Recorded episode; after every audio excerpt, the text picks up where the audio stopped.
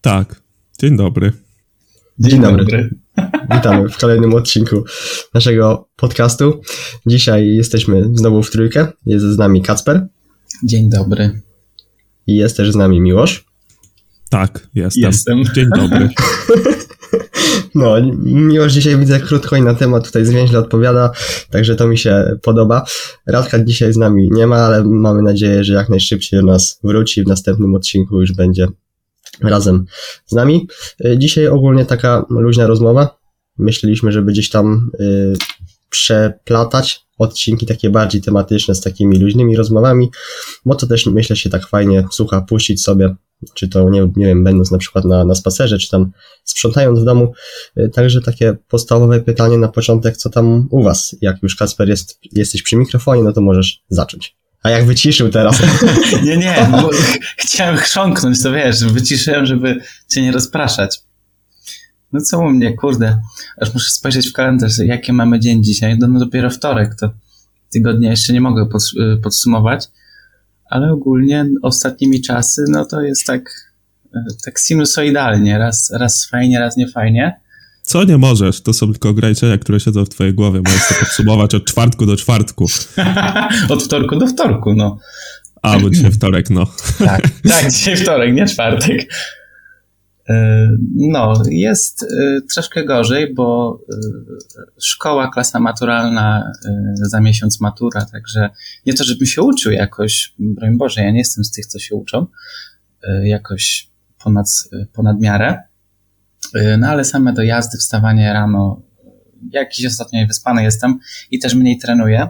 Ostatnio miałem taką fajną pasę, że udawało mi się robić 5, 6, 7 treningów w tygodniu nawet no a teraz musiałem trochę przystopować, bo to, to zmęczenie jednak e, daje się we znaki. Ale co, nie narzekam, bo wiem, że to jeszcze miesiąc takiej, takiej charówy przede mną, a później, później zaczyna się na pewno ciekawszy okres w moim życiu. To teraz Miłosz, słuchamy Ciebie. Co u Ciebie? Posumuj tak. swój czas, tak. Tak, jest. Znaczy nie, w sumie nie ma. E, okrutnie nie mam czasu, bo przysiadłem do programowania strony. No i cały czas właściwie mi idzie na to, nie? Więc ja w ogóle e, śpię, idę do pracy, programuję stronę, śpię i dosłownie nic więcej od kilku dni. Nawet nie trenuję, bo sobie robię tydzień przerwy po, po chorobie zeszłotygodniowej.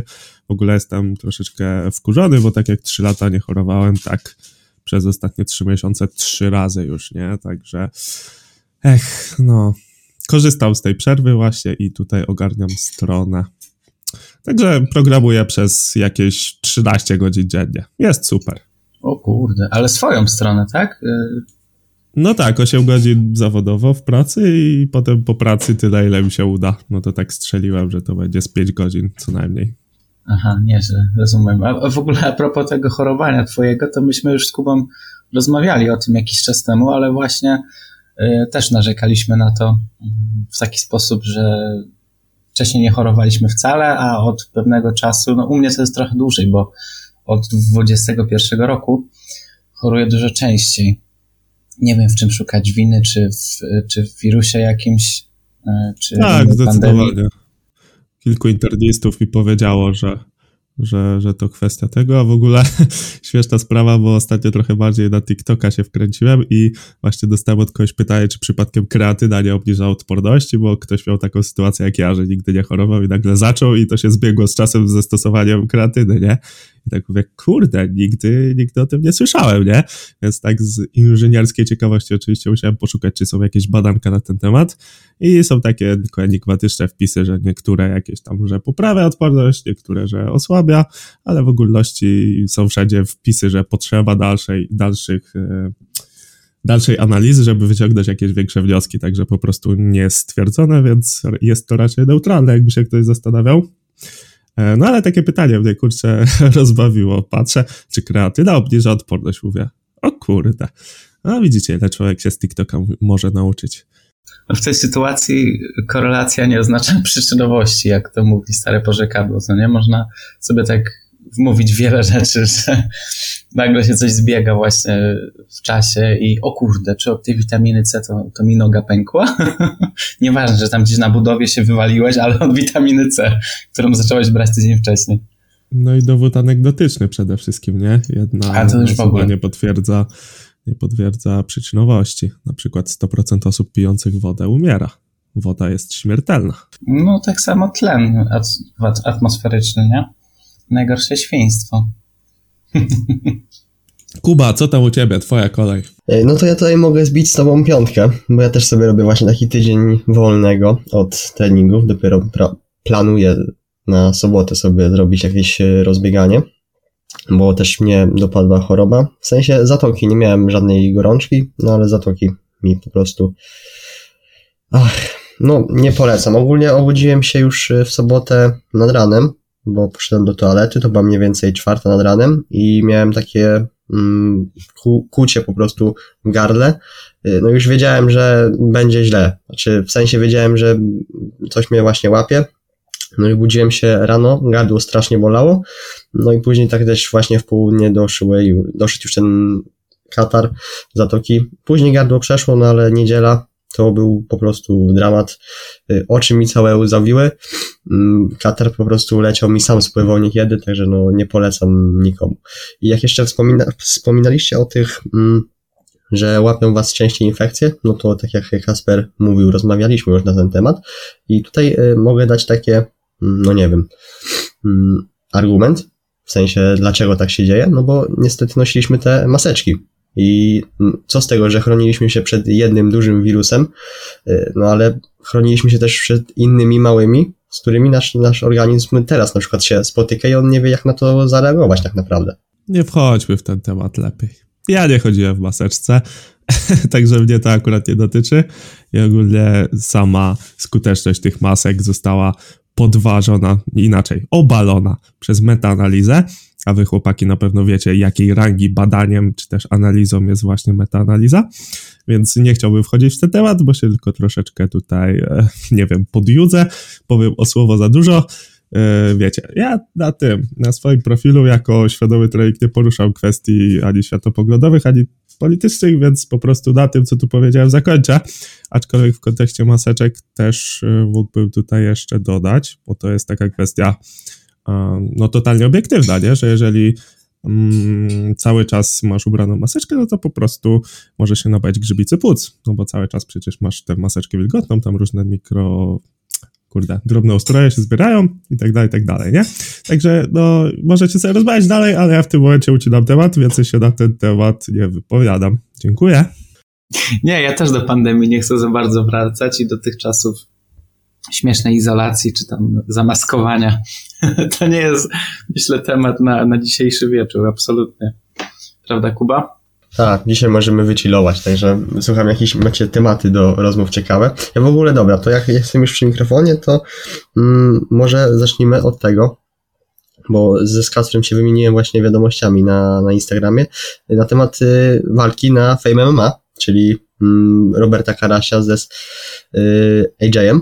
No i w ogóle jak się zapatrujecie na tą walkę, bo to kurde ja pomijam inne walki, bo jakoś mnie to nie interesuje, ale właśnie takie sportowe rywalizacje, takie jak ostatnie właśnie to mm, Pasza z Owcą walczył, to było bardzo ciekawe, interesujące. No i to też myślę jest ciekawa, bo Robert mm, tak sobie jakby mm, no nie wiem, chciał po prostu dostać przeciwnika, który jest wielki, no i jego tam menadżer załatwił mu po prostu AJ'a. No i to jest ciekawe, że no AJ jest duży, bo chyba jest między nimi bo oglądałem vloga u AJ'a chyba i jest między nimi 30 chyba, albo 20 albo 30 kg różnicy. No i też y, tutaj wiadomo wysokość, no i też zasięg ramion, no ale Robert też jest dosyć taki, powiedziałbym, wytrzymały, jeżeli chodzi gdzieś o, o kondycję, więc myślę, że z jednej strony może być to ciekawa walka, mm, ale no, jeżeli AJ przygotowałby się tak y, no, mentalnie, żeby w niego wszedł, no to myślę, że to jest 30 y, sekund walki tak naprawdę. To może ja zacznę. E, pracuję na Penetat, studiuję dwa kierunki, piszę swoją stronę internetową, prowadzę TikToka, Instagrama, zacząłem drugi projekt, uwaga, rzucam a propos Darta i totalnie mnie nie obchodzą takie rzeczy, ponieważ nie nie czasu. Także oddaję mikrofon Kacprowi. Ale ja, ja się nie mogę pochwalić takim e, zasobnym e, zapleczem życiowym jak Miłosz. Ale też cię nie obchodzi. Ale właśnie, dobijając do brzegu, ja się bardzo mało interesuję takimi rzeczami i w ogóle o tej gali dowiedziałem się ze story, stories u AJ'a, a dopiero z relacji Kuby się dowiedziałem, że on walczy z Karasiem i miałem takie, co kurwa, taki paniczny śmiech mnie dopadł, że w ogóle jakim prawem? Tu niby, tu ostatnio Karaś pięciokrotnego Ironmana pobił rekord, y, no ja go w ogóle kojarzę tylko i wyłącznie ze sportami wytrzymałościowymi, a tutaj nagle jakaś walka i to jeszcze z Adamem, którego w ogóle oglądam od 2017 roku chyba, no i po prostu znam tego człowieka też bym się po nim tak prędko nie spodziewał wzięcia udziału w czymś takim. Także tak, a jak się zapatruję na tę walkę, no bo Kuba się o to pytał, moim zdaniem Adaś ma szanse tak zakrawające o, o 2 do 5% i więcej bym mu nie dawał, bo Robert to jest po prostu człowiek zdecydowanie silniejszy psychicznie. Moim zdaniem Adam po prostu polegnie troszkę w podobnym stylu jak owca, E, to znaczy w stresie pogubi się technicznie i sparaliżuje go to wydarzenie. nie wiem, taka jest moja opinia, po prostu e, Karaś to jest dla mnie tytan pracy. E, to jest człowiek, który mm, może się zdecydowanie dalej posunąć, właśnie jak chodzi o takie podejście, mindset. Myślę, że pracował z niejednym dobrym trenerem mentalnym, żeby osiągać to, co osiągnął w swoim sporcie i taka walka to może być dla niego po prostu kolejne wyzwanie do, do rozwalenia, do zmiażdżenia. Także tak się zapatruję, no. To znaczy, wiecie, ja, ja też y, nie śledzę tych walk, ale akurat, no, tak jak na przykład właśnie ta walka Paszy z obcą mnie zainteresowała, tak teraz ta walka mnie zainteresowała, no bo jednak to wiecie, mm, nie jest takie coś, co, no wiecie, takie pato bardziej, co robią jakieś tam dymy i tak dalej, no tylko to jest właśnie sportowa rywalizacja i tutaj myślę, że też y, tak samo jak y, o walka owcy z paszą, z paszą była na takim sportowym poziomie bardzo dobra, tak myślę, że ta też będzie dobra, ale ja tutaj w przeciwieństwie do Kaspra, ja powiem, że ja tutaj jednak bardziej chyba stawiam na AJ'a i Tomiego Wagę, bo jednak y, no Robertowi jednak będzie trudno się chyba przeciwstawić, bo w sumie ja nawet nie wiem w jakiej, w czym oni walczą, czy oni walczą we w MMA, czy, czy w boksie, tak naprawdę nawet, nawet nie wiem, więc trudno oceniać teraz. Jeśli MMA, no to rzeczywiście Adam ze swoimi nogami, ze swoim zasięgiem może mieć y, wielkie szanse. Ale no to jest, to jest gdybanie. Muszę, musiałbym sobie pooglądać jakieś tam vlogi, relacje. Konferencja w ogóle dzisiaj była, ale nie oglądałem, bo byłem zajęty. Y, także no myślę, że trochę za wcześnie o tym, o tym rozmawiamy, bo to dopiero informacja wyszła na jaw dzisiaj, y, co nie? Że, że ta walka się w ogóle, w ogóle odbędzie. Myślę, że z dwa tygodnie muszą minąć, żeby, żebyśmy dostali więcej materiału po prostu. Dobra, to tak miłoż y, cicho siedziałeś, to teraz ja ciebie zapytam o twój, yy, ten drugi profil, co sobie założyłeś i jestem w ogóle ciekawy, co tam chcesz takiego, yy, powiedziałbym, stawiać, bo jestem właśnie ciekawy, bo ja myślałem, że Dart to jest gdzieś tak, wiesz, prosta gra, że sobie rzucasz tymi lotkami, a tu widać, że no, jeżeli założyłeś ten profil, to jednak ta gra jest trochę bardziej rozbudowana i jestem tutaj yy, ciekawy tego. Wiesz co, też tak myślałem i w sumie trochę dalej myślę, ponieważ no mam oczywiście jakąś tam zapisaną bazę pomysłów na posty. Nie jest zbyt długa, bo tam ma z 50 elementów. Pewnie coś dojdzie oczywiście w międzyczasie, ale no powiem ci, że już na TikToku sobie działam całe 4 dni i mam już 500 obserwujących. Także, znaczy wiesz, liczby nic nie mówią, wiecie, słuchacze. E, liczby nic nie mówią, aczkolwiek wydaje mi się, że to jest trochę niezagospodarowana nisza i coś fajnego można w tym kierunku poczynić. Ogólnie na YouTubie są dwa albo trzy kanały poświęcone darcie i tam jest po 100-200 filmów, nie? Także cały czas można tam sobie coś nagrywać i cały czas sobie um, nabijać te zasięgi, cały czas o czymś mówić, cały czas robić coś przydatnego i najbardziej popularny kanał darterski który się właśnie nazywa kanał, darterski na YouTubie, Cały czas y, udostępnia informacje chociażby o kolejnych modelach lotek, recenzuje te, te lotki. Wiadomo, że on już działa na współpracach, bo tam trochę, trochę się wybił, znaczy wybił. E, ma chyba około 3000 subków, a biorąc pod uwagę, że dart jest wciąż w Polsce mało popularnym sportem, no to taka ilość jest całkiem, całkiem wysoka, nie?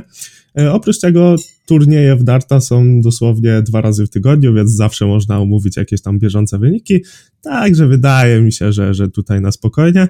Ogólnie na razie to tam chyba mam z 8 czy 9 postów na tych profilach, bo wrzucam wszystko jak leci na TikToka, Instagram e, Reelsy i na YouTube Shortsy, chociaż niektóre mi się nie mieszczą na Shortsach bez ponad minutę. I na razie to będzie jeden filmik dziennie i spokojnie tutaj już mam, jeszcze mam spory zapas, także przez kilka kolejnych dni na pewno będzie, ale jak już wbiję na świadomym treningu, czyli na tym moim pierwotnym profilu na TikToku 10 tysięcy, to troszkę bardziej się zagłębię w ten dart i myślę, że tutaj coś fajnego może powstać, ponieważ tutaj skupiłem się na Polsce, ale na świecie jest sporo takich profilów darterskich i na świecie dart jest popularniejszym sportem niż w Polsce i można znaleźć naprawdę fajne profile, profile poświęcone darcie. Naprawdę tam jest dużo filmów i dużo można z nich wyciągnąć i też dużo po prostu e, jasno mówiąc, bo to w sumie na treningowym, w sensie o treningu siłowym YouTubekach też jest normalne, że po prostu przełożyć z angielskiego na polski, nie? Czyli oglądamy sobie angielskie filmy, wyciągamy coś z nich i po prostu nagrywamy coś podobnego, tłumacząc to samo po polsku. I tutaj też na pewno sobie troszkę podziałem, także jestem spokojny w kontekście ilości pomysłów, bo, bo mam z czego czerpać. O, tak to powiem. Także też mi się tak wydawało, że w sumie tu nie ma o czym nagrywać, tam mówić i tak dalej, i tak dalej, ale też y, na tym profilu troszkę zaowocuje to, że jestem dosyć świeży, nie? Ja rzucam od trzech miesięcy, zacząłem 3 stycznia, czyli mam e, ile? Trzy miesiące i dwa dni. E, więc tutaj ten progres na samym początku, wiadomo, w każdej dyscyplinie fajnie widać i w moim przypadku też będzie go fajnie widać, także jakieś tam swoje postępy też mogę wrzucać. No i cóż, zobaczymy. Ogólnie, tak jak, mm, tak jak zacząłem świadomy trening, czyli totalnie na luzie, po prostu robiłem coś, co lubię, dzieliłem się tym, co wiem i nie miałem żadnych oczekiwań. Tak samo rozpoczynam to, zobaczymy. I jeżeli na przykład rozwinie mi się to do takich dosyć fajnych poziomów, bo w sumie świadomy trening to no nie, jestem zadowolony ogólnie z tego, jak się rozwinął, ale on, ten projekt trwa już 2,5 roku. To jeżeli, uwaga, rzucam, bo tak się nazywa mój drugi projekt, się rozwinie w 2,5 roku do tych samych poziomów, to też będę zadowolony, bo po prostu jest to hobby, nie? Także myślę, że myślę, że spoko. Oczywiście to trochę czasu zabiera. Niemniej mówię, myślę, że dla świata darterskiego za jakiś czas stworzę coś fajnego, bo mam naprawdę naprawdę fajne pomysły, które, które pomogą sportowcom, znaczy sportowcom, osobom uprawiającym dart. Bo tak naprawdę, żeby być sportowcem, czyli osobą, która się utrzymuje z darta, to trzeba naprawdę dobrze rzucać. I w Polsce są pojedyncze osoby, które potrafią się z tego utrzymać, ale z drugiej strony z treningu siłowego czy kulturystyki też to są pojedyncze osoby, także no tutaj nisza jest porównywalna, aczkolwiek mm, w darta wydaje mi się, że mniej osób gra niż uprawia tak trójbój czy też kulturystyka.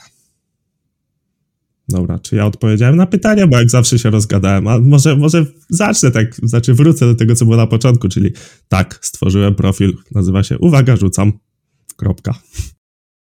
Ja chciałem mieć jedno pytanko dla, dla ciebie, do ciebie. Nie wiem, czy o tym mówiłeś na jakimś innym odcinku, na którym byłem nieobecny. Jeśli tak, to mnie poprawcie od razu. Y, ale chciałem się ciebie zapytać w ogóle, skąd pomysł na, na Darta no bo mi jedyne z czym się kojarzy ten sport e, to są amerykańskie filmy e, i zabawa pijanych ludzi w barze. Dosłownie, jak sobie pomyślę o tym, to, to widzę bar i pijanych facetów rzucających właśnie do tarczy tymi lotkami, rzutkami, jak to się nazywa, nawet nie mam pojęcia. Jak to u ciebie wygląda, skąd to się wzięło? Już ci mówię.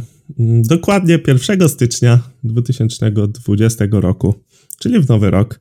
Ogólnie zawsze Mistrzostwa Świata w Darta się kończą właśnie w okolicy Nowego Roku. Zawsze po Nowym Roku, ale raz jest to pierwszy, raz jest to trzeci, trochę różnie. No i 1 stycznia, wiadomo, troszkę zmęczony po dniu poprzednim, e, jakiegoś streamka sobie odpaliłem, chciałem sobie jakiś sport pooglądać i wyskoczył Dart. Mówię, o, Mistrzostwa Świata, czemu nie?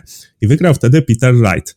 E, to był jego pierwszy tytuł Mistrza Świata i w ogóle koleś mi się mega spodobał, bo w darcie wydaje się, że no rzucamy do tarczy i co tu można robić, nie? Ale chyba już właśnie o tym konkretnie mówiłem, że w sporcie trzeba być jakimś, żeby zostać zapamiętanym. I Peter Wright się właśnie ubiera na kolorowo, on robi irokeza w różnych kolorach na różne mecze i w ogóle jeżeli jest w telewizji, to zawsze jest kolorowy. Raz jest na jeden kolor, raz na drugi, raz jest tęczowy, raz bierze takie lotki, raz inne i to jest w ogóle niepowtarzalne w świecie darta. No i tak zobaczyłem, mówię, kurde, ten, ten sport to jest fajny, być może zupełnie przypadkowo, że trafiłem akurat na mecz z Peterem Wrightem, to się wkręciłem w ten sport, ale mówię, nie no, spoko sport, nie? Fajnie się to ogląda, jest tam trochę fanu, ogólnie publiczność się super bawi, jak jest tarcza, to zaraz za sceną są normalnie stoiska z browarami, tam wszyscy tańczą, śpiewają, krzyczą i tak dalej. Taki niby sport dokładnościowy, bo dart jest sportem dokładnościowym, czyli musimy po prostu im lepiej celujemy, im lepiej, im lepszą powtarzalność mamy, tym jesteśmy lepsi, ale jest to sport inny od snookera, którego oglądam od dłuższego czasu, bo na snookerze każde chrząknięcie rozprasza zawodników i oni tam muszą mieć totalną ciszę, więc rozumiem, że to dla niektórych może być nudne. A w darcie jest zupełnie odwrotnie, tam się wszyscy bawią, krzyczą, gwiżdżą i tak dalej, i tak dalej. No i spodobał mi się ten sport aczkolwiek nie zacząłem grać, w sumie nie wiem czemu i trochę żałuję, bo już bym miał ponad dwa lata stażu i pewnie bym, e, no już miał taki poziom, myślę, że e, myślę, że całkiem wysoki. No a wzięło mi się do gry po tegorocznych Mistrzostwach Świata, bo właśnie mówiłem wam, że zacząłem grać 3 stycznia i 3 stycznia był finał Mistrzostw Świata 2022 i zgadnijcie, kto wygrał. Peter Wright znowu drugie Mistrzostwo Świata w tym roku zdobył. No i właśnie sobie, sobie pomyślałem, kurde, a czemu by nie pograć? Popatrzyłem, okazało się, że tam 300 metrów od domu mam w ogóle jeden z najbardziej rozpoznawalnych klubów darterskich w Polsce. No i poszedłem, porzucałem, spodobało się, no i, i tak, tak ruszyło. A jak to finansowo wygląda? E, od strony takiej typowo, e, wiesz, zakupu tych tych lotek i, i tak dalej. W ogóle co w tym sporcie się, się finansuje? Oprócz że... oczywiście wstępu na salę. No, wstęp na salę jest ogólnie darmowy. Ja się nawet zdziwiłem, bo myślałem, że wiesz, że tam za, za to, że podchodzę do tarczy i sobie porzucam lotkami, to że tam kilka złotych ode mnie wezmą. Szczególnie, że jak byłem w takim jednym klubie bilardowym właśnie, kiedyś sobie grałem z kolegami, to tam ode mnie dychę chcieli, nie? No i mówię, kurde, no dycha, dycha codziennie, to, to spory hajs wychodzi, także mówię, drogi sport, ale poszedłem właśnie do tego klubu, jednego z bardziej znanych w Polsce, Agawa, i się pytał, za ile tarcza, no i mówię, no co ty, za darmo, nie? Ja mówię, co? Dobra, to dawaj browara i rzucam, nie? W ogóle dart jest takim ciekawym sportem, że tutaj alkohol ma swoje jawne działanie, ponieważ e, jeżeli się stresujemy i za dużo analizujemy, to nie dajemy swojej podświadomości wykonywać tego, co ona się nauczyła. I alkohol pozwala odblokować te blokady.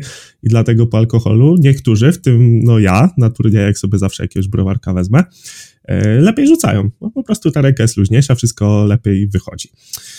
E, także no, zdziwiłem się, że nie musiałem nic płacić i tylko potrzebowałem lotki, nie? A najtańsze lotki kupisz z AliExpress za 3 zł, ale takie bardziej profesjonalne, znaczy inaczej, takie lepsze lotki kupisz za 5 dych, profesjonalne tak od 100, 200 w górę, nie? Także jak chcesz, to za 5 dych możesz sobie pograć w darta i to jest ogólnie super, bo to jest sport dla wszystkich i właśnie szkoda, że nie jest popularny, że nie jest propagowany. Może trochę się dołożę do tego, mam nadzieję, że tym projektem trochę rozpopularu, roz, że sprawia, że dart będzie bardziej popularniejszy. E, no bo właśnie, bariera wejścia jest żadna praktycznie, a to jest taki sport towarzyski, wiecie, jak tam czasem sobie pójdziecie gdzieś, gdzieś do klubu, są te tarcze elektroniczne, to się czasem rzuca, tam się pozeta wrzuca i, i można sobie zagrać jedną partyjkę. No jeżeli ktoś by chciał tak na poważniej, to, to mówię, nawet lotek nie trzeba kupować, bo w tych wszystkich klubach zawsze jakieś lotki się dostanie, także bariera wejścia jest praktycznie żadna. Oczywiście, jak zaczniemy trochę rzucać, to fajnie będzie sobie zawiesić tarczę w chacie i taka tarcza dobrej jakości to już są dwie stówki, lotki lepszej jakości to też są dwie stówki, aczkolwiek no jeżeli możemy powiesić sobie tarczę na ścianie, ja nie mogę, bo wynajmuję mieszkanie, więc musiałem kupić stojak, który jest stosunkowo drogi, no ale jeżeli możemy powiesić na ścianie tarczę, no to kupujemy tarczę za dwie stówy, trochę więcej. No taka najbardziej popularna Winmau Blade, e, akurat piątka to tam 200 z hakiem kosztuje. Jakieś lepsze lotki, żeby już czymś profesjonalnym rzucać, żeby te barele, czyli to za co łapiemy lotkę nie było zbyt grube, bo większość osób woli sobie na cienkich barelach rzucać. Kolejne dwie stówki powiedzmy, no i za cztery stówki mamy kilka lat dosłownie gry w darta, bo tarcza może wytrzymać spokojnie kilka lat, a lotki, no grot nam się może połamać, ale to, to przypadkowo, nie? Także bariera wejścia finansowa również jest bardzo niska. A jeżeli chcemy iść na turniej, no to wjazd na turniej zazwyczaj kosztuje, znaczy w sumie nie wiem czy zazwyczaj, bo tylko tutaj w Poznaniu mam doświadczenie z turniejami. E, no i raz w sumie na Pucharze Polski byłem. No ale w Poznaniu takie turnieje tutaj lokalne kosztują 15 ziko za wjazd i tutaj mamy 50 osób i praktycznie zawsze się zagra co najmniej 3 mecze, bo tutaj jest faza grupowa i dopiero są mm, KO, czyli że jak przegrasz to odpadasz. E, no a Puchar Polski trochę droższy, wiadomo, bo trzeba to wszystko zorganizować. Tam 35 zł płaciłem, nie? Czyli za 35 zł możesz mieć udział w Pucharze Polskim, jakikolwiek poziom reprezentujesz. Także bariera wejścia zupełnie niska. A czy stało się y, na którymś treningu coś niebezpiecznego kiedyś? no bo y, można się taką lotką uszkodzić w ogóle? Czy to jest absolutnie jakieś zdarzenie losowe, które rzadko ma miejsce? Owszem, zdarzenie losowe. Chyba wczoraj sobie wbiłem lotkę w stopę. Na szczęście tylko mi drasnęła palec i tam się nie wbiła zbytnio. Tak, w stopę. Spoda mi starczy po prostu i lotka jest tak skonstruowana, właśnie po to ma te piórka na końcu, żeby zawsze leciała grotem do przodu. No i jak spadała, to też się wyrównała, że grotem do przodu. No i właśnie po palcu mnie drasnęła. Ale ogólnie to jeżeli są jakieś kontuzje w darcie, to raczej są to bardzo rzadkie sytuacje, bo lotka się po prostu, no nie oszukujmy się, w tarczę, która ma tam średnicę 90 cm, no to ciężko jest nie trafić w ogóle w tarczę, nie?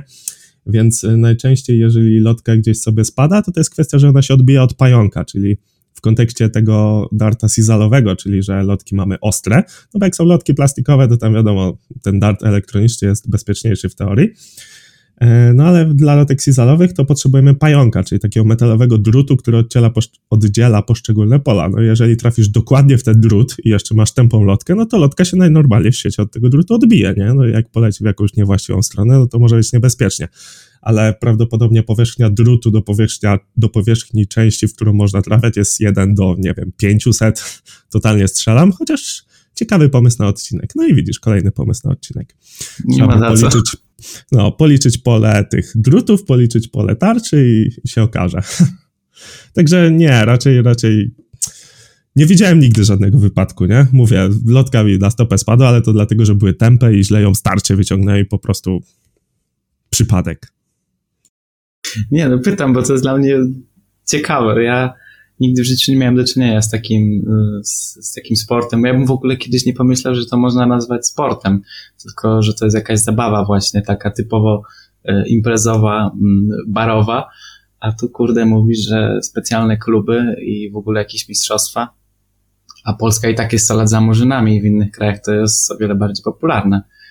Także no. Najwyżej notowany polski darter jest to Krzysztof Ratajski, był w Hate Parku swoją drogą. Pewnie Head Park będzie rozpoznawalny tu wśród widowni i on jest obecnie chyba 13 na świecie, a był nie tak dawno jeszcze 12, więc to całkiem nieźle wygląda w jego wykonaniu. I tutaj jeszcze taka ciekawostka.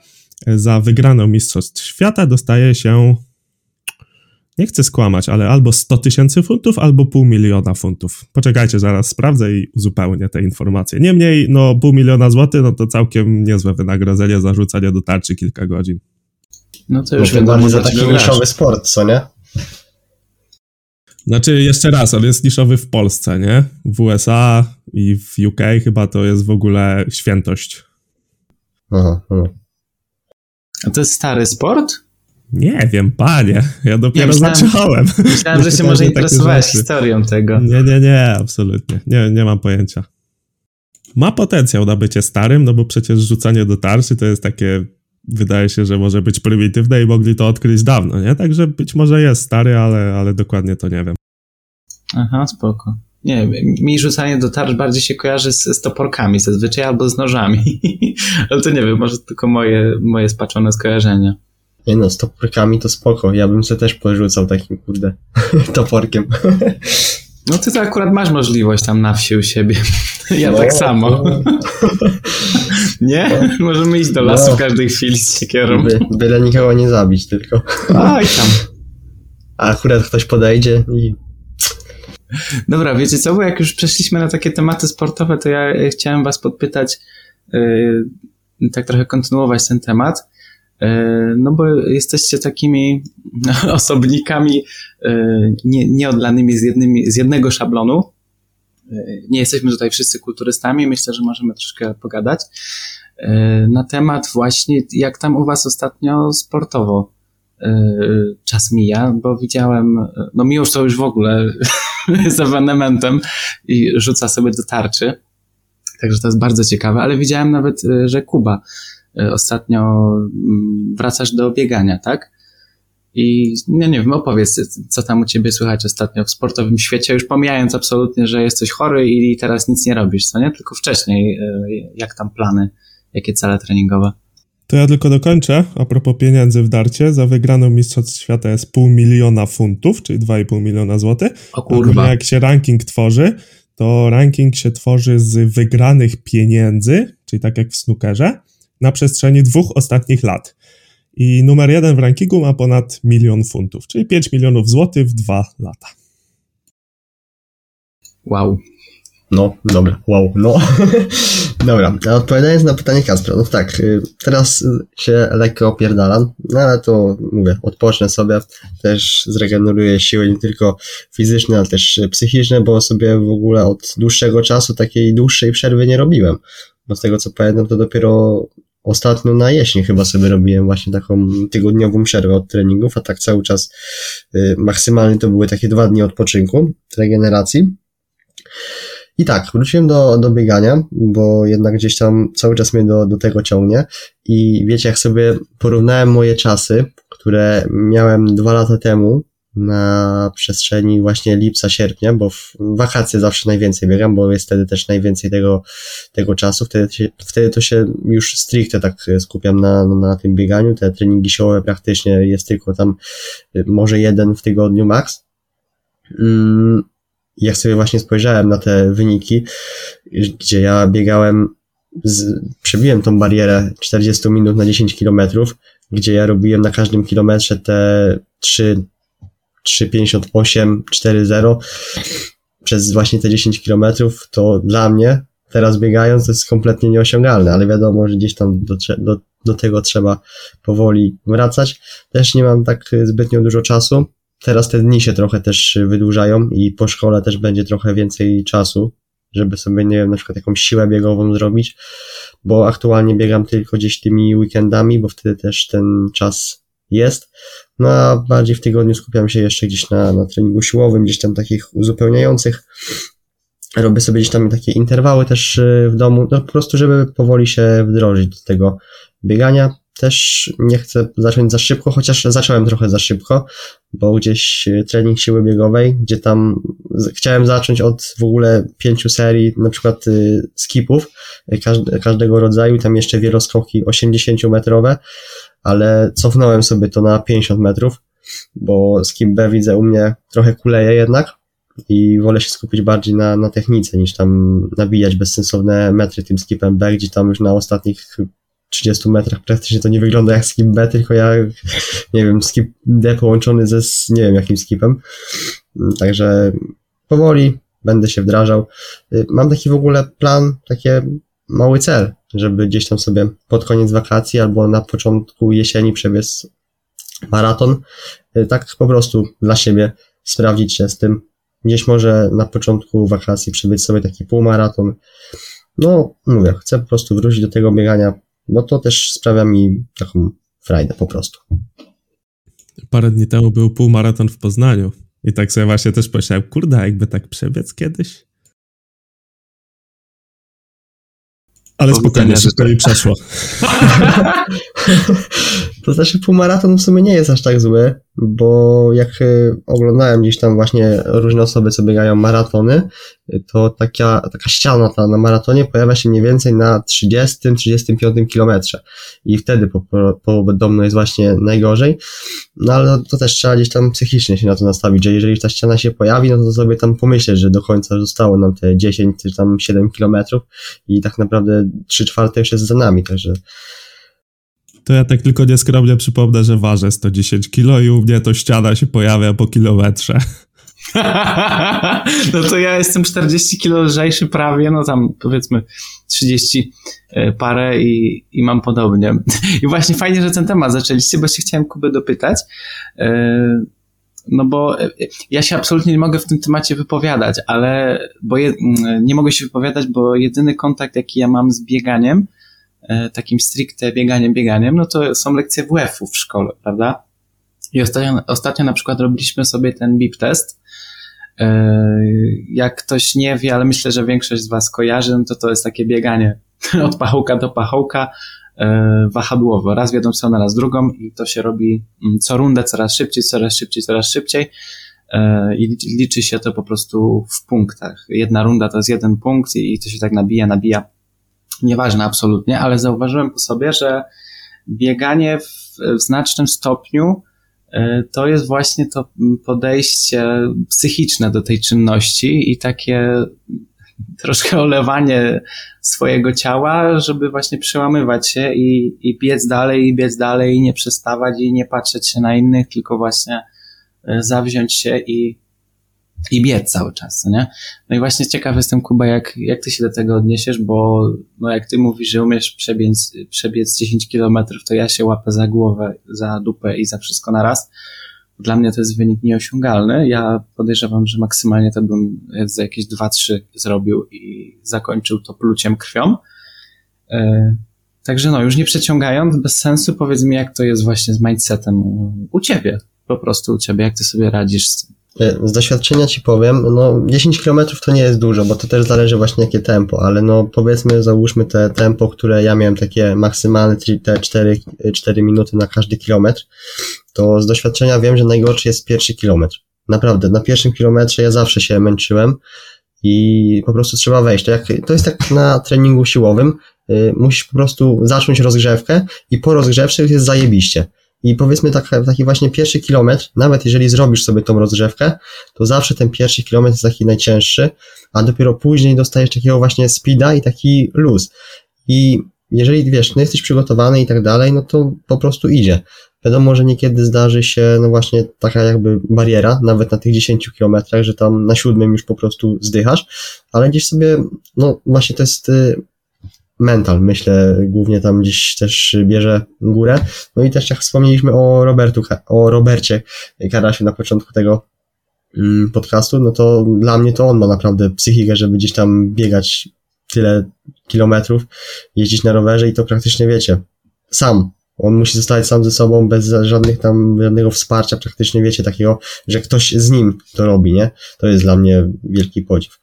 Ale nie wiem, czy odpowiedziałem na pytanie w sumie, bo tak y, poskakałem sobie trochę po tych tematach, ale chyba myślę, że odpowiedziałem. Tak, no o to mi właśnie chodzi. A powiedz mi, jak już y, coś się knoci u ciebie w biegu, y, to co to najczęściej jest? To jest psycha, to jest kondycja, taka typowo sercowo-naczyniowa, czy to są na przykład mięśnie ścięgna, które już tak pieką, taka jest pompa, że, że musisz przestać? Jak to wygląda? W sensie najczęściej z tego, co tak, y, bo teraz tak nie biegam jeszcze, aż tak y, nie maksuję tego. Biegam bardziej jak już jakieś tam interwały i tak dalej, ale jak właśnie biegałem takie dłuższe, gdzieś właśnie utrzymując te stałe tempo, to pamiętam, że często właśnie gdzieś tam nogi dostawały po dupie. Mm, ja akurat y, jestem dosyć dobrze gdzieś wydolny, jeżeli o to chodzi, więc ja tak powiedziałbym z oddechem nie mam gdzieś problemu wiem, że niektórzy właśnie takie mają takie uciski w klatce i mają takie kucie i nie mogą biec dalej, a ja no mam właśnie na przykład to, to w nogach, że po prostu mam takie zmęczenie w nogach, że po, jak, po właśnie kilku kilometrach robią się takie wietkie i no muszę bardziej mę męczyć się, żeby te nogi wytrzymały. No wiadomo, że wytrzymają, ale to jest, wiecie, takie, no właśnie głowa niekiedy potrafi gdzieś tam namącić tak w głowie, żeby się poddać.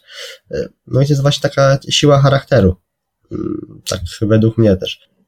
Według mnie też to jest zajebista siła charakteru i bardzo szanuję wszystkich sportowców wytrzymałościowych, nie tylko biegaczy. A tak jeszcze odnosząc się, no to właśnie ja mam podobnie, dlatego się o to spytałem, bo byłem ciekaw, jakie masz doświadczenia. U mnie właśnie w biegu zawsze pierwsze padają łydki, mm, czasami piszczelowe mięśnie, czasami mięśnie tam brzuchate. Zawsze jest to w każdym razie łydka, kondycja u mnie jest dosyć w porządku, jak na to, że prawie w ogóle jej nie trenowałem większość życia, ale te nogi sobie nie radzą. No ale to, to już nawiasem mówiąc, dobra, myślę, że pobiegaliśmy sobie trochę, to teraz przejdźmy do wyższej kategorii wagowej, tak o pięć kategorii w górę i, i powiedz Miłosz, co tam u ciebie treningowo słychać? Co tam porabiasz? Co się, co, no, no co tam się z tobą dzieje? Nie, no nic ciekawego. Od półtorej tygodnia właśnie na siłce chyba nawet nie byłem. Nie, sorry, byłem raz, ale to taki totalny rozruch. Wziąłem sobie pustą sztangę i trochę pomachałem. E, no ale nic konkretnego, nie? Tak w dłuższej perspektywie to dwubój zacząłem ćwiczyć, bo zawsze, zawsze mnie ciągnęło do tego sportu. To jest, wydaje mi się, najbardziej ogólnorozwojowy, tak to nazwijmy, ze sportów siłowych. W ogóle, żeby trenować dwubój, to trzeba być i mobilnym, i silnym, i sprawnym, i szybkim. Także zdecydowanie propsuję ten sport i zamierzam się w niego zagłębić.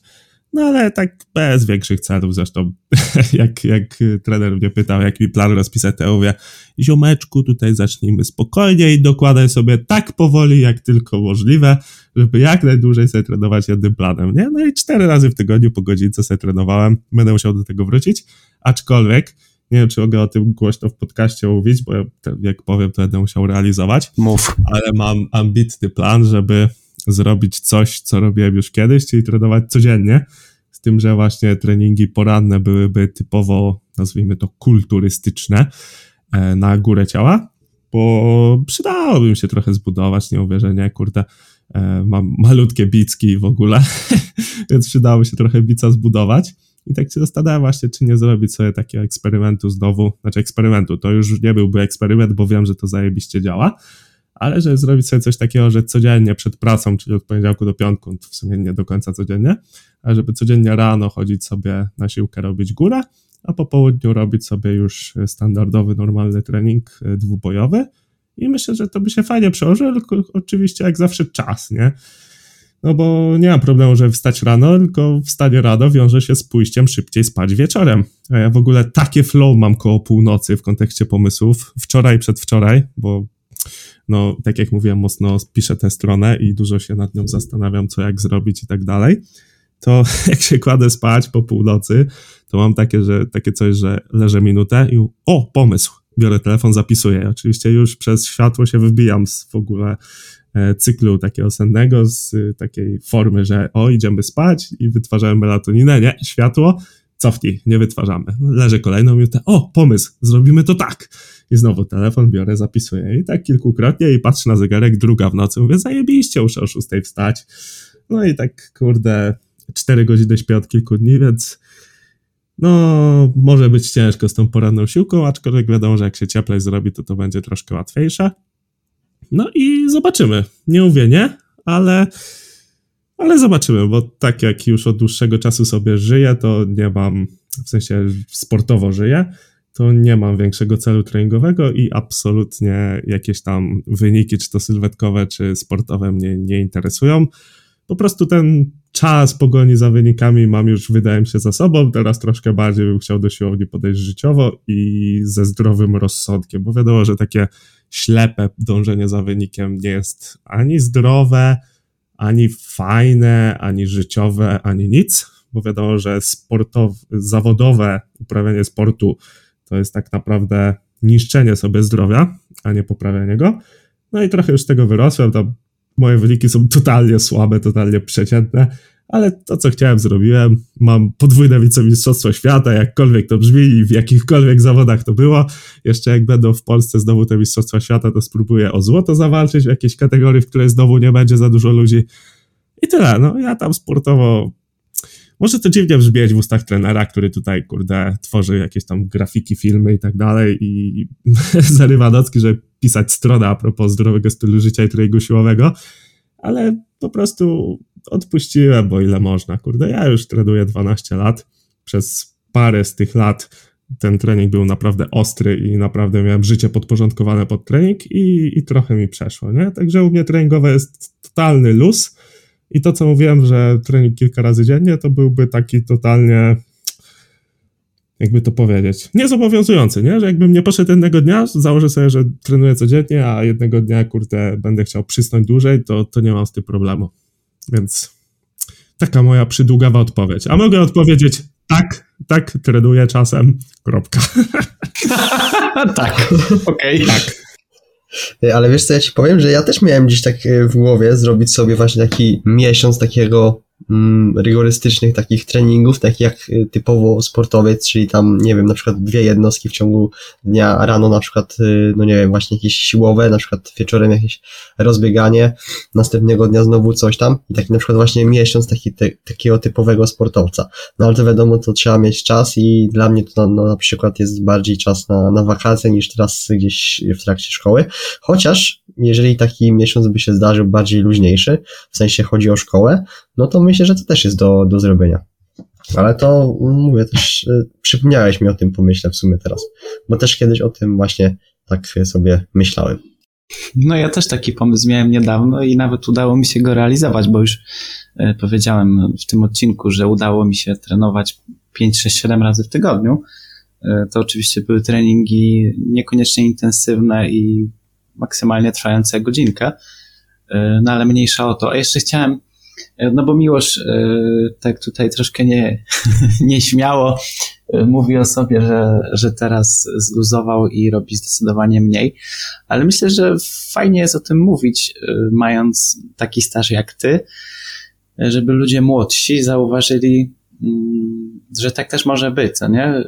Bo wiadomo, jak trenujemy, mamy nieduży staż, idzie nam dobrze, to lubimy sobie wbić do bani, coś takiego, że ja to będę, wiecie, sportowiec do końca życia, będę tutaj wyniki klepał, nie wiadomo jakie, będę progresował z roku na rok. To wcale nie musi tak być, może nam się to po jakimś czasie po prostu znudzić, albo możemy mieć inne priorytety po pewnym czasie. I, i fajnie sobie zrozumieć, że to jest właśnie taka droga, że na początku to wygląda tak, jak to wygląda, no a później może być o 180 stopni inaczej, ja, mimo że jestem dużo młodszy od Miłosza i mam stażu treningowego o 7 lat mniej, e, to dochodzę do podobnych wniosków i mimo, że nic szczególnego nie osiągnąłem, to już do takich wniosków doszedłem, e, że po prostu sport zawodowy, sport wyczynowy to nie jest coś dla mnie. E, ja znowu kiedyś bardzo chciałem się wkręcić w kulturystykę na takim poziomie zaawansowanym, no bo wiadomo, jak się, przestałem się bawić e, kalisteniką i wszedłem typowo w ciężary, no to ta masa mięśniowa poszła w górę, wygląd się polepszył, mm, trochę woda sodowa do łba uderzyła. Człowiek pomyślał zaraz, czego to nie osiągnie, e, no ale półtora roku, prawie dwa lata takich treningów typowo kulturystycznych, troszkę powiedzmy przeplatanych trójbojem, szybko mi się znudziły i teraz absolutnie mnie do tego nie ciągnie. E, no i mogę też odpowiedzieć na pytanie, które Wam zadałem płynnie. E, u mnie treningowo teraz e, jest. W ogóle u mnie trening ostatnio to są trochę dwa światy. Jeden jest praktyczny, drugi teoretyczny. Teoretyczny to jest plan treningowy, który wygląda tak, że dni treningowych jest siedem. Trzy treningi to są treningi siłowe, przy czym jeden jest w 100% kalisteniczny na kołach gimnastycznych mm, znaczy na razie jest kalisteniczny, bo jeszcze nie dokładam w nim ciężaru, ale niedługo będę sobie przyczepiał. E, drugi trening siłowy to jest dół e, z naciskiem na pośladki, no ogólnie na tylną taśmę powiedzmy. E, a trzeci trening to jest kalistenika z ciężarem, czyli tam wiadomo pompeczki z plecakiem, wyciąg na plecy, takie tam zabawy. A pozostałe cztery treningi to dopełnienie tygodnia, mm, to jest movement. Nie chcę o tym tu mówić dużo, no bo to nie jest odcinek o, o moim treningu, ale w każdym razie movement to jest bardzo szeroka dziedzina treningu, takie, takiego powiedzmy gimnastycznego, akrobatycznego, gdzie głównie pracuje się nad kontrolą swojego ciała e, w takich nietypowych ruchach, nietypowych płaszczyznach, których absolutnie nie, na żadnej siłowni się nie, nie zobaczy. W ogóle współpracuję też od, e, od lutego, czyli no niedługo będą dwa miesiące. Pierwszy raz w swoim życiu w ogóle z trenerem, e, z Filipem Droszczem, który właśnie zajmuje się movementem i, i, i wychowuje mnie w tym kierunku. Bardzo mi się to spodobało. Jest to też taka pewna odskocznia od, od ciężarów, od, od budowania mięśni. W ogóle od pewnego czasu mam takie podejście, że chcę próbować jak najwięcej rzeczy e, póki jestem taki no naprawdę młody i, i to ciało mi się szybko adaptuje do, e, do nowej rzeczy. Mm, można dojść do fajnych, do fajnych przemyśleń, do fajnych rozkminek, co, co, co nam się podoba, co, co z nami zostanie za duże, a co być może zostawimy po prostu po, po drodze. No także tak to u mnie wygląda. W praktyce wygląda to różnie, bo wiadomo, jak jest gorszy tydzień w szkole, no to nie ma szans na 7 treningów w tygodniu, tylko powiedzmy jest ich 5, gdzieś tam w tygodniu sobie zrobię 2-3, no i weekend zawsze to są dwa treningi, bo w weekend się mogę spokojnie wyspać, spokojnie zjeść, wszystko ogarnąć czasowo, no to wtedy zazwyczaj oram te, te siłowe, prawda, no bo w tygodniu raczej staram się robić lżejsze rzeczy, czyli ten movement. No, także tak, tyle o mnie. Yy, co tam teraz, panowie, będziemy omawiać? A mi tak przyszło do głowy w ogóle, jak mówiłeś, że mm, rozwijanie się, że ten progres fajnie idzie, to to jest też w sumie trochę kwestia, z jakiego powodu się trochę w darta, ponieważ jak zaczynamy coś nowego, to ten jest, progres jest fajnie widoczny, to nas motywuje w ogóle i fajnie jest zaczynać nowe sporty. Zresztą Kuba pewnie potwierdzi, jak zaczął biegać, że po prostu ten progres jest fajny, jest motywujący i nie ma co się ograniczać do jednego sportu, szczególnie jeżeli nie zarabiamy na nim, nie jest naszą jakąś turbo zajawką. Ja ogólnie jestem bardzo E, mam duży szacunek do osób, które potrafią całe życie uprawiać jeden sport, nie? Wiadomo, że będą w nim super, prawdopodobnie, no ale kurde, nudne. Przez kilkadziesiąt lat robić ciągle w kółko to samo, no ile można, nie? Jeszcze rozumiem, jak są z tego pieniądze, albo są jakieś tam wygórowane ambicje, nie? Typu Mistrzostwo Świata i w ogóle. No ale dla amatorów, niektórzy właśnie w trójboju szczególnie jakoś wydaje mi się, że to widać, że ludzie się poświęcają, jakby trening był celem życia i, i w ogóle jak nie zrobisz ciężkiego martwego w tym tygodniu i potem nie będziesz zdychał psychicznie przez trzy dni, to, to słabo trenujesz. Po co? Po, po co ten martwy robić w ogóle, nie? Jeżeli, jeżeli nie, nie startujesz w zawodach, to martwy cię możesz zastąpić ćwiczeniami, które będą dla ciebie psychicznie lżejsze i przez to będziesz się czuć lepiej przez kolejne dni. Bo wiem, co mówię, ciężkie martwe potrafią naprawdę wypróć z emocji przez no kilka dni, naprawdę nie przesadzam. Robisz martwe ciągi, 10 serii ciężkich, prawie że do odciny po 3, odpoczynek po 10 minut, siedzisz na siłowni 3 godziny, e, no i potem przychodzisz do domu, oczywiście jedziesz spać od razu, no bo co po takim czymś robić.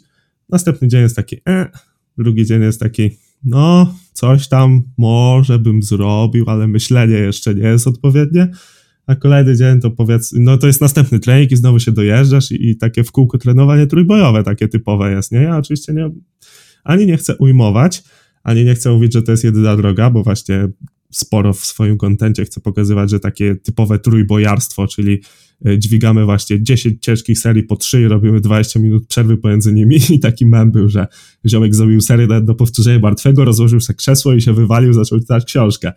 To, to, jest bardzo, to jest bardzo real, bardzo rel i dosłownie to samo mógłbym zrobić. Zresztą śmiałem się, że książkę, którą napisałem, to napisałem w większości właśnie w przerwach między seriami trójbojowymi.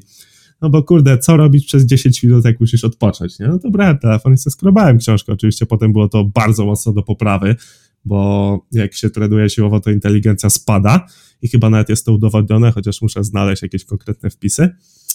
No ale no co robić, nie? No, można grać w gry, a można robić coś pożytecznego, albo można rozmawiać sobie ze znajomymi. I często w trójboju tak to niestety wygląda. Owszem, są inne drogi, owszem, nie wszyscy tak robią, owszem, niektórym osobom zależy typowo na trójboju, czyli to dla nich będzie spoko, no bo spełniają się po prostu w tym sporcie, ale to nie moja droga i moim zdaniem zdecydowanie nie jest to droga w ogóle większości ćwiczących, a ludzie patrząc właśnie na osobę na siłce, że wow, tam podnosi 200 w martwym, też bym tyle chciał wchodzi na tę drogę bez większej refleksji i potem to się kończy, no tak stereotypowo, czyli tak jak powiedziałem, nie? 200 warto jest spoko, ja w ogóle, tak jeszcze a propos celów treningowych, to zastanawiam się, czy sobie nie postawić celu 300 w martwym, bo to by było całkiem fajne, wydaje mi się, i 300 w siadzie, no ale znowu musiałbym pewnie poświęcić ze 2-3 lata treningów, takich rzetelnych, no i pytanie, czy będzie mi się chciało, czy nie. Wiadomo, że fajne liczby, fajnie by brzmiało, że dwie, 300 y, w martwym, 300 w siadzie, tylko po co? tylko po co właśnie? To jest takie kluczowe pytanie, które trzeba sobie zadać. Ja też właśnie jak wszedłem w dźwiganie, to tak troszkę bezrefleksyjnie zacząłem y, robić te wyniki właśnie, czy to w przysiadach, czy w martwych ciągach. I właśnie jak opowiadałeś o tych treningach, y, że po martwym ciągu cię na trzy dni wyrzuca z życia, to się tak śmiałem pod nosem, y, ale to jest absolutna prawda.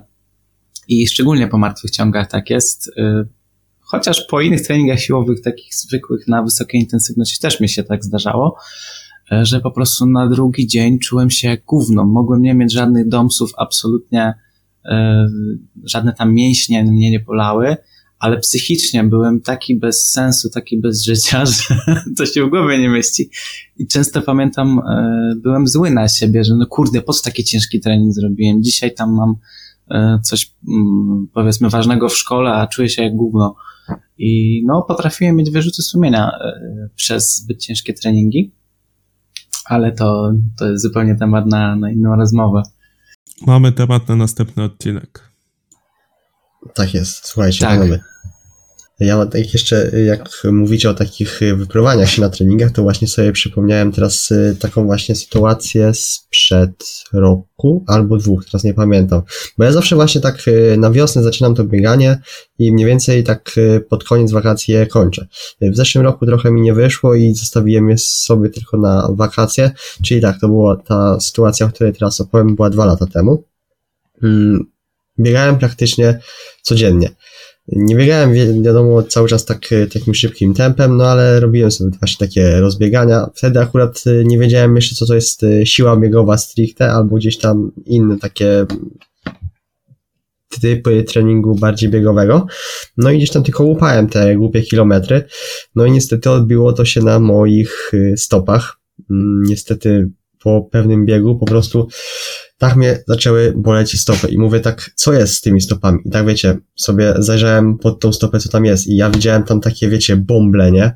Widziałem tam takie zdarcia i jak ja sobie to kułem, wykuwałem, żeby ta woda po prostu z tych bąbli wypłynęła, to uwierzcie mi, że ja sobie tak poświęciłem sobie trochę, żeby te bąble właśnie tak, yy, ta woda z nich upłynęła i też sobie trochę rozdrapywałem tą, tą skórę, to uwierzcie mi, że ja przez dwa dni po prostu nie mogłem chodzić. Ja musiałem chodzić na bokach y, pię, pięt, nie, bokach y, stóp, żeby po prostu przejść, bo ja po prostu nie mogłem chodzić. No i właśnie to jest to, że ja się zajeżdżałem, w sensie łupałem niepotrzebnie te kilometry. Mm, prawdopodobnie technika też wtedy nie była za najlepsza po prostu. Y, no i po prostu nabawiłem się takiego, wiecie, mm, głupiego urazu. A ile jest właśnie takich osób, które właśnie przez takie, powiedzmy, dążenie do, do perfekcji, właśnie niekiedy może sobie zrobić nawet większą krzywdę. Myślę, że mamy naprawdę solidny temat na przyszłe odcinki, czyli właśnie trenowanie w zgodzie ze swoim ciałem, z regeneracją i, i, z, taką, z takim zwyczajnym, zdrowym rozsądkiem. Co wy na to, chłopcy? Może być. To następny temat. Ale, ale pośnie, bo jeszcze sen musimy chyba omówić, z tego co pamiętam. W sensie omawialiśmy jakoś, ale tak musimy się zgłębić jeszcze w ten temat na pewno, bo y, Miłosz właśnie mówił w poprzednim podcaście, że coś tam mówiliśmy i tak zahaczyliśmy chyba z Radkiem wtedy o ten temat, ale to wiecie, tylko chyba tam powiedzieliśmy takie y, swoje, chyba to były takie rutyny chyba przed snem, z tego co tam kojarzę. Ale tak y, stricte poświęconego snu, no to jeszcze nie, nie mieliśmy, także ten temat o śnie, no i ten temat o treningach na pewno gdzieś poruszymy w następnych odcinkach. No to co, kończymy, bo godzinka już nam y, stuknęła tutaj. Jeżeli nie macie żadnych takich tematów, to myślę, że można kończyć, chyba że miło zaraz znowu coś tutaj wyskoczy z jakimś fajnym temacikiem, to... Nie. to teraz na koniec to nie. Dobra, no to co? Myślę, że będziemy się żegnać. Dziękujemy za wysłuchanie. Jeżeli odcinek się spodobał, to oczywiście możecie tam udostępnić. Jeżeli słuchacie na Spotify, to możecie dać 5 gwiazdek fajnych. Tam jest nas taka nowa opcja.